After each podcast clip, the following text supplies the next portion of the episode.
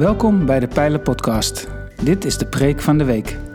Luister naar de Bijbelse boodschap die verkondigd is. We hopen dat je groeit in kennis en liefde voor Jezus Christus.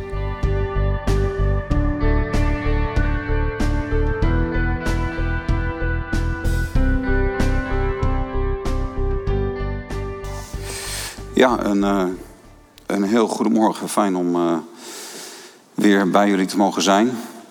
Uh, ik ben gevraagd om te spreken over Israël en dan specifiek het thema ontwikkelingen in deze tijd in het licht van de Bijbel.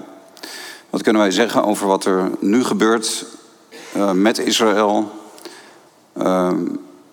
en hoe lezen we dat, hoe zien we dat in het licht van wat de Bijbel zegt? Ik denk dat het onontkoombaar is dat je als christen ook nadenkt over Israël. Want uh, de Bijbel gaat bijna alleen maar over Israël natuurlijk. De Bijbel gaat niet over de christelijke kerk. Maar de Bijbel gaat over de geschiedenis van het volk Israël. En Gods spreken tot hen. Gods bemoeienis met hen. Gods handelen. En Gods voor hen. En Gods bijzondere relatie met Israël. En Jezus hoort natuurlijk ook helemaal bij Israël. Jezus is de Messias van Israël, hij is de koning van de Joden. Um, je kunt Jezus en Israël niet uit elkaar trekken. Je kunt Jezus niet los verkrijgen. Als je Jezus aanvaardt, dan aanvaard je de koning van de Joden. De Messias van Israël. Als je in de Bijbel leest, dan lees je de heilige schriften van Israël. Inclusief het Nieuwe Testament is alleen maar Israël. Geschreven door Israëlieten. De apostelen hoorden bij Israël. En het gaat ook bijna alleen maar, ook de geschiedenis van het boek Handelingen is bijna alleen maar wat er onder Joden gebeurt. Dus het is onmogelijk om aan Israël voorbij te gaan. Er is een wortel die ons draagt. Het heil is uit de Joden. En notabene, Israël is natuurlijk super actueel. Um, ook de afgelopen week, bijna dagelijks, is Israël in het nieuws. De hele wereld bemoeit zich met Israël. De grootmachten van de wereld die bemoeien zich met wat er in dat hele piepkleine landje in het Midden-Oosten allemaal gebeurt. Dus een beetje gek als wij dan in de Bijbel altijd over Israël lezen en op zondag altijd vanuit de Bijbel uh, preken. En de wereld houdt zich ook met Israël bezig en wij gaan helemaal aan Israël voorbij. Dat kan natuurlijk helemaal niet. We behoren natuurlijk ook erover na te denken en met elkaar ermee bezig te zijn. Wat betekent dat herstel van Israël? Wat betekent het feit dat de Joden nu al uh, bijna 200 jaar aan het terugkeren zijn naar dat beloofde land? Dat land speelt een hele grote rol en ook die landbelofte speelt een grote rol in de Bijbelse geschiedenis. Wat betekent dat voor ons geloof? Wat betekent dat voor het begrijpen van het evangelie? Dus Israël negeren is fout. Israël negeren is een symptoom van het vervangingsdenken. En ik zou ook willen zeggen dat het, uh, uh, als je hier oog voor krijgt, als je oog krijgt voor inderdaad wat, uh, wat Hendrik heeft genoemd, de vervulling van bijbelse profetieën in deze tijd, dan word je veel meer in het wereldgebeuren getrokken.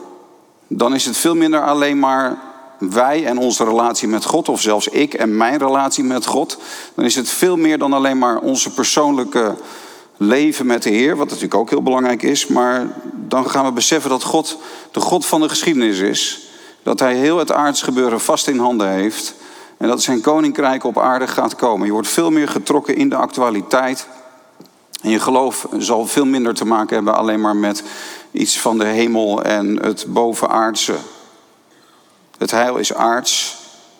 En dat ga je begrijpen als je zicht krijgt op het profetische woord. Ik wil drie dingen noemen vanuit drie verschillende teksten vanmorgen. Drie ontwikkelingen die, uh, denk ik, actueel zijn en die we dan ook inderdaad naast de Bijbel kunnen leggen. De eerste teksten worden niet geprojecteerd. Uh, ik lees vooruit de herziene staatvertaling Psalm 83, vers 1 tot 5. Of vers 2 tot 5. Luistert u naar deze psalm. O God, zwijg niet. Houd u niet doof. Wees niet stil, o God, want zie, uw vijanden tieren. Wie u haten, steken hun hoofd omhoog. Zij beramen listig een heimelijke aanslag tegen uw volk en beraadslagen tegen uw beschermelingen. Kom, zeiden zij, Laten wij hen uitroeien, zodat zij geen volk meer zijn en aan de naam van Israël niet meer wordt gedacht. Een eeuwenoude psalm van 3000 jaar geleden, die gaat over de volkeren die Israël willen uitroeien. Die een aanslag tegen het volk van God willen plegen. Laten wij hen uitroeien dat ze geen volk meer zijn, dat aan de naam van Israël niet meer wordt gedacht. Dit loopt als een rode draad door de geschiedenis van deze wereld. In bijbelse tijden kunnen we denken aan Egypte, aan Amalek, aan Assyrië, aan Babylon, aan de Persen in de tijd van Haman, aan de Romeinen. Sinds bijbelse tijden, sinds dat Jezus is gekomen in deze wereld, kunnen we denken aan hoe de christelijke kerk tekeer is gegaan tegen het Joodse volk. En later de moslims en daarna weer de kruisvaarders die onderweg naar Jeruzalem, overal waar ze kwamen, Joden vermoorden. En de Ottomanen, de Turken die 400 jaar over het land hebben geregeerd. En Nazi-Duitsland. Allemaal te leggen naast Psalm 83. We waren in 2019 in de Ridderzaal in Den Haag met Joodse leiders en christelijke leiders. En politieke leiders ook. Uh, Tweede Kamerleden en uh, christelijke voorgangers en Joodse leiders. En Gertjan Segers die zei... De haat, de altijd maar weer opkomende haat tegen het Joodse volk... is ten diepste haat tegen de God van Israël. En in de liturgie van de Pesach... daar wordt elk jaar gezegd... of eigenlijk naar God toe geuit en, en ook gebeden... Heere God, elk jaar... Of in elke generatie staat er weer iemand op die het Joodse volk wil uitroeien. En 80 jaar geleden was dat Hitler. En vandaag de dag is dat de Ayatollah van Iran. Ayatollah Khamenei. Hij komt er al tientallen jaren vooruit dat Israël totaal vernietigd moet worden. En er is een en al haat tegen Israël en Iran heeft proxies in vijf, zes landen in het Midden-Oosten. Um, maar nog meer zorgen maak ik mij om het antizionisme dat in het Westen aan het groeien is. Inderdaad, kan je nog met een Israëlische vlag op je petje door Amsterdam lopen? Kunnen Joden nog als herkenbare Joden door onze eigen hoofdstad wandelen zonder zich bedreigd te voelen? Het antizionisme van vandaag de dag is gebaseerd op een pertinente leugen. Het moderne bloedsprookje. Vroeger werd er door christenen gezegd dat, uh, Christen, dat Joden christelijke kinderen zouden kidnappen, zouden ontvoeren en, en doden, vermoorden om hun bloed te gebruiken voor het voorbereiden van de Pesach, voor de Pesachmaaltijd. Dat is een volkomen absurde gedachte. Dat is een pertinente leugen. Want als er één ding is wat de Bijbel verbiedt, is het het eten van bloed. En dan het idee dat Joden dat bloed zouden gebruiken om de Pesachbrood, om, om de matzes voor de Pesach voor te bereiden. Dat raakt Kant nog wel, maar christenen gingen het geloven. Men ging die leugen verspreiden, dat noemen we het zogenaamde bloedsprookje. En als gevolg van het bloedsprookje zijn er in de loop van de geschiedenis ontelbaar veel Joden door christenen vermoord. Vanwege leugens. Het moderne bloedsprookje is dat Israël een apartheidsstaat is. Het is een leugen die door velen wordt verspreid, maar die totaal niet te staven is. Absoluut niet. Velen geloven het, velen gaan erin mee. Velen zeggen daarom vandaag de dag: Israël moet geboycott worden. Niet bij Joden kopen. Wat in de jaren 30 van de vorige eeuw rondom overal gepredikt gezegd werd. Niet bij Joden kopen is actueel as we speak. BDS-beweging in Nederland is ook aanwezig. Niet bij Joden kopen. Maar het is gebaseerd op een leugen. Ik zal het u aantonen. Israël heeft meer dan 2 miljoen Arabische inwoners die dezelfde rechten hebben als Joodse inwoners van Israël. Arabische Israëli's dienen in het leger, geven leiding aan Joodse Israëli's in het leger.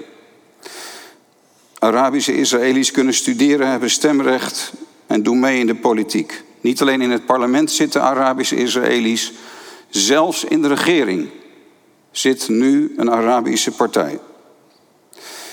Zelfs Arabieren die de staat Israël willen vernietigen, zitten in het parlement en nu zelfs in de regering van Israël. Hoort u dat? Dat is, dus, dat is een feit van wat er nu aan de hand is in Israël. Er zijn Arabische rechters. Arabieren dienen in het Hoge Rechtshof en in andere belangrijke colleges. Er zijn veel Arabische artsen in de ziekenhuizen. De helft van alle patiënten in de Israëlische ziekenhuizen is Arabisch. Arabische Israëli's dienen als ambassadeur van de staat Israël, spelen in nationale sportteams en hebben hun eigen media. Voor Arabische inwoners van Israël geldt vrijheid van meningsuiting en vrijheid van godsdienst. Er is maar één vrij land in het Midden-Oosten en dat is Israël. Overal in Israël zijn moskeeën en ook kerken. Maar waar zijn de synagogen in de Palestijnse gebieden? Bij de klaagmuur mag iedereen komen om te bidden. Maar op het tempelplein, dat onder beheer is van een moslimorganisaties, mag een christen of een jood niet bidden. Dat is apartheid. Er wordt zelfs gesproken door de Palestijnen dat als Joden het tempelplein betreden, dat daarmee het tempelplein verontreinigd wordt. Als Joden het tempelplein betreden, zeggen de Palestijnse leiders dat het tempelplein verontreinigd wordt. Dat is racisme. Um, de Palestijnse grondwet is gebaseerd op de sharia. Daarmee is apartheid in de Palestijnse gebieden officieel bepaald. Vrouwen, homoseksuelen en religieuze minderheden worden officieel gediscrimineerd in deze gebieden. Abbas doet de meest bizarre antisemitische beweringen. Contact met Joden is verboden. Eh, er wordt op de Palestijnse televisie gebeden voor de uitroeiing van Joden. Mahmoud Abbas heeft meermalen verklaard dat geen Joden mogen wonen in door Palestijnen bestuurd gebied. Hoort u dat? 80 jaar geleden, in de jaren 30 van de vorige eeuw, in ons land stonden overal borden. Voor Joden verboden. Nu in de Palestijnse gebieden, de aangebieden op, in Judea en Samaria, staan inderdaad borden. Verboden voor Israëli's, maar daarmee wordt bedoeld voor Joodse Israëli's. Er is geen Jood meer over in de gebieden waar Israël zich werkelijk terugtrekt. Die gebieden worden Judenrein.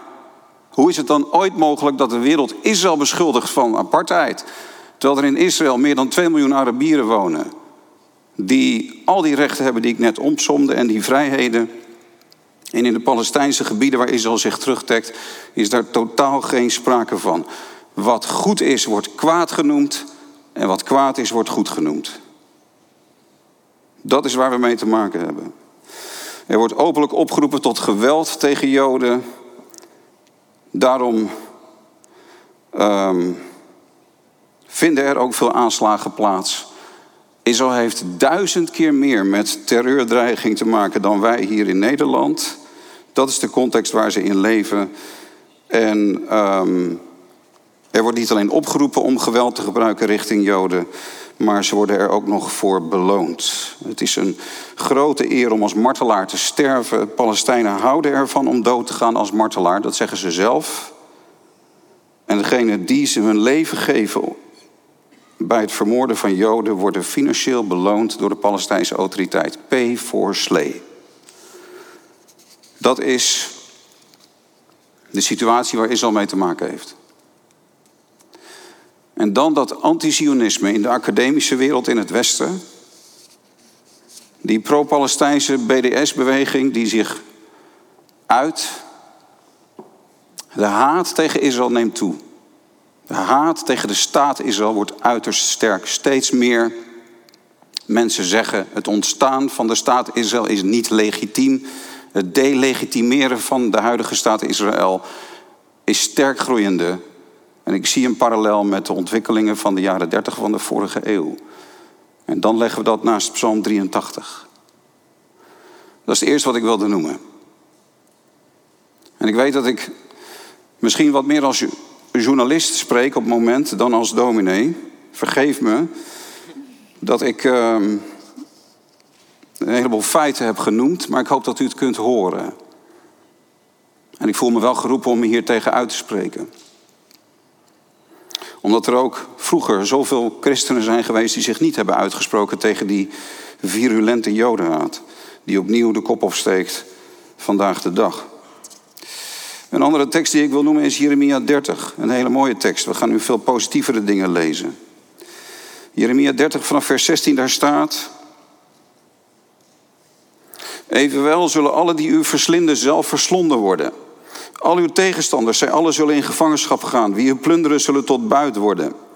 Alle die u plunderen zal ik als buit geven. Ja, ik zal uw herstel bevorderen. U van uw wonden genezen, spreekt de Heer. Al noemen ze u verdreven, het is Sion en niemand vraagt naar haar. Twee dingen vinden we hier. In de eerste plaats, degenen die zich tegen Israël keren en haar willen verslinden, zullen zelf verslonden worden. Lees de geschiedenis erop na. Eigenlijk zou je kunnen zeggen dat Israël, het Joodse volk, de sleutel is tot het begrijpen van de geschiedenis van deze wereld. Ik heb twintig jaar geleden heb ik Lance Lambert horen zeggen: alle volkeren worden geoordeeld op basis van hoe ze omgaan met het volk van God, met het volk van Israël. Die u willen verslinden, zullen zelf verslonden worden. Er is geen machthebber die in de geschiedenis zo roemloos, roemloos ten onder is gegaan als Adolf Hitler. Er is geen heerschappij dat zo, waar zoveel kwaad van wordt gesproken. Elk jaar nog weer, weer worden er films gemaakt over de Holocaust.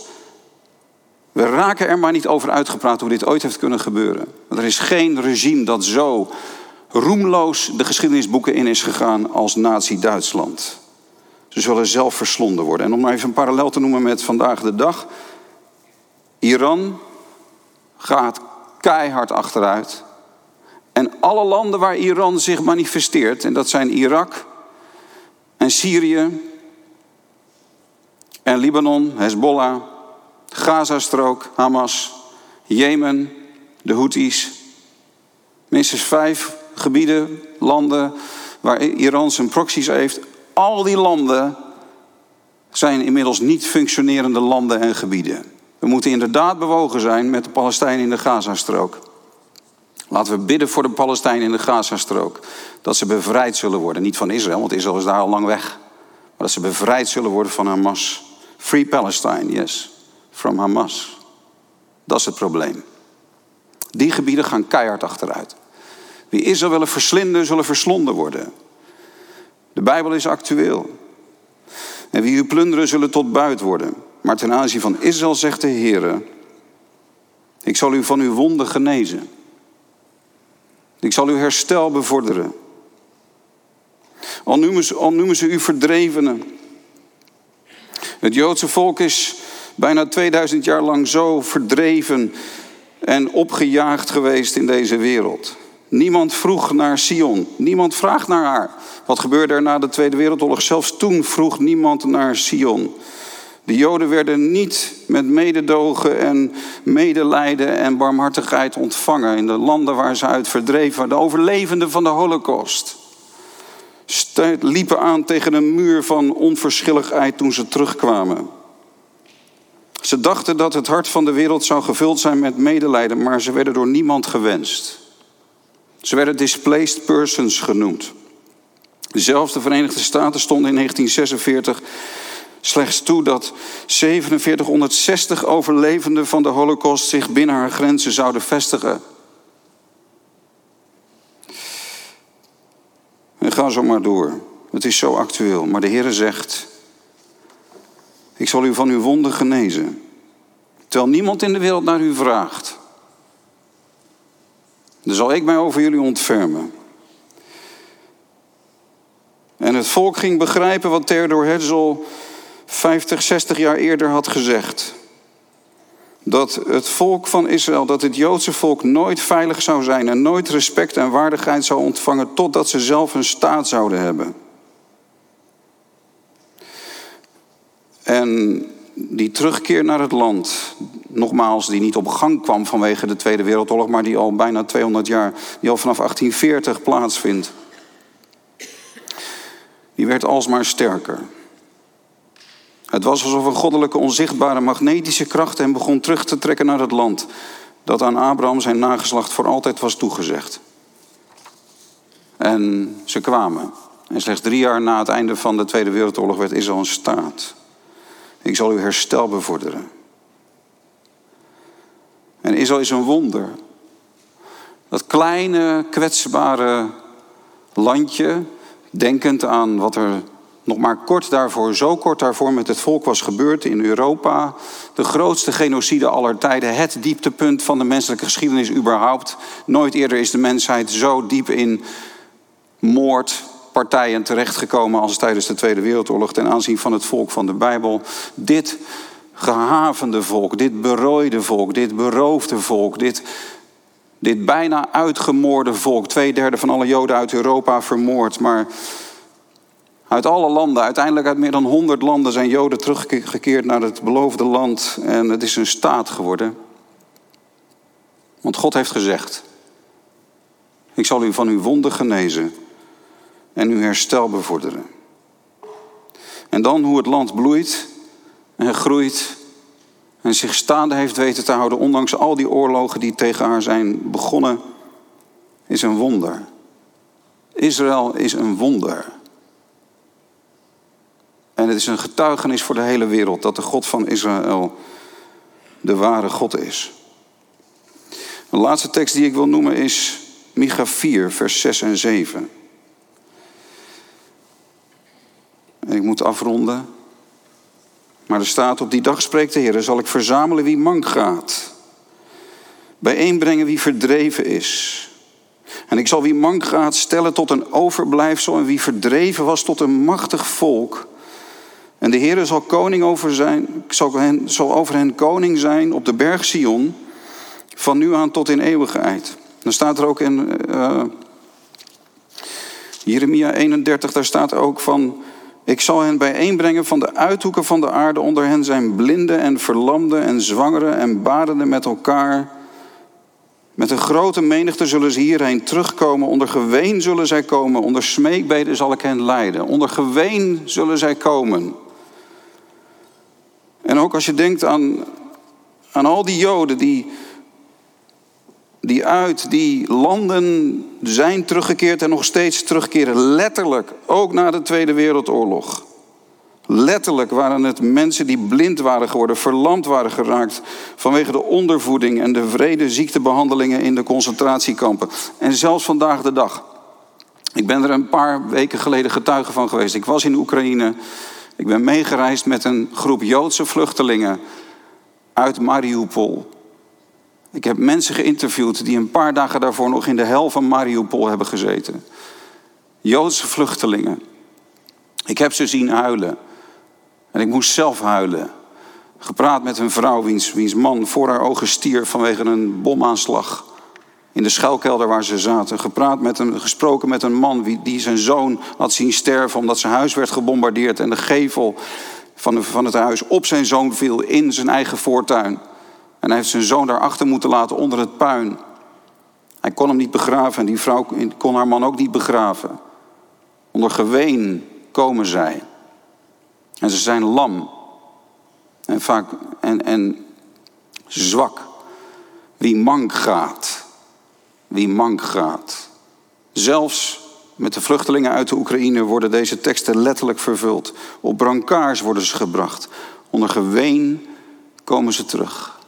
Maar wat zegt God in Micha hoofdstuk 4?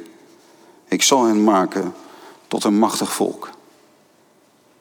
En dan, mijn tijd zit erop, maar ik noem één puntje om u te laten zien. Dit is heel actueel.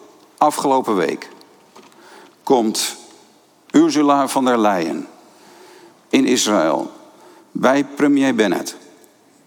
En ineens een hele andere toon van de voorzitter van de Europese Unie richting Israël. Altijd Israël besje, Israël besje, Israël besje vanuit de EU. En nu ineens een andere houding, andere woorden, lovende woorden over de staat Israël. Waarom?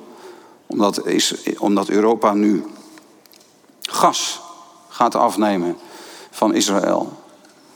Israël wordt nu gasexporteur richting Europa, omdat het gas nu niet meer uit Rusland kan komen. En vroeger heeft Europa en hebben de West, heeft de westerse wereld de Joden als een baksteen laten vallen, omdat ze afhankelijk waren van de Arabische landen voor olie. Daarom niet pro-Israël, want we hebben die Arabieren nodig met hun olie. En nu is er een game changer. Nu wordt het anders. Nu ineens is Israël het land dat gas gaat leveren. En zo kan je doorgaan. Ik hoop dat u begrijpt dat wat hier staat, ook dat, ik zie hier ook een vervulling van profetieën. En uiteindelijk heeft het allemaal te maken met dat de koning van Israël in aantocht is. De Heere zal over hen koning zijn op de berg Sion, van nu aan tot in eeuwigheid. Dat is natuurlijk de, de ultieme realiteit waar we mee te maken hebben. Waarom zoveel gedoe over Israël? Waarom zoveel strijd rondom Israël? Waarom zelfs, weet je, waarom dit allemaal? Omdat de Heer in aantocht is. Omdat de Messias terug gaat komen. Omdat hij gezalfd is. Hij is de gezalfde, hij is de Christus, hij is de Messias om koning te zijn. En hij zal koning zijn over en op de berg Sion. Zijn koninkrijk is aanstaande. Halleluja. Amen. Amen. Amen. Ik stel voor dat we kort bidden en dan gaan we samen zingen. Heren, we zijn u dankbaar dat uw woord betrouwbaar is. We zijn u dankbaar, heren, dat u regeert. Dat we ons leven niet hoeven laten stempelen door de problemen en de zorgen en de strijd en de haat jegens u en jegens uw volk en ook jegens de kerk. Maar dat we ons leven mogen laten stempelen door uw grootheid, door uw almacht, door uw soevereiniteit. En uw grote liefde en barmhartigheid voor deze wereld. We danken u, Heer, dat uw koninkrijk gaat komen. En dat bidden we, Heer Jezus, kom spoedig. We zien uit naar uw komst. Halleluja. Amen. We gaan samen zingen.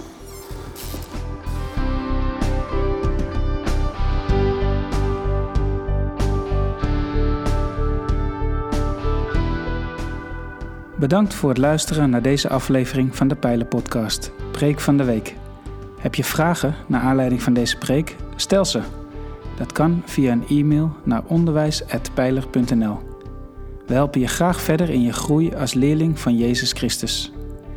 Abonneer je op deze podcast, zodat je altijd op de hoogte blijft van het onderwijs uit de Pijler. Goede week gewenst, ga in vrede, want God is nabij.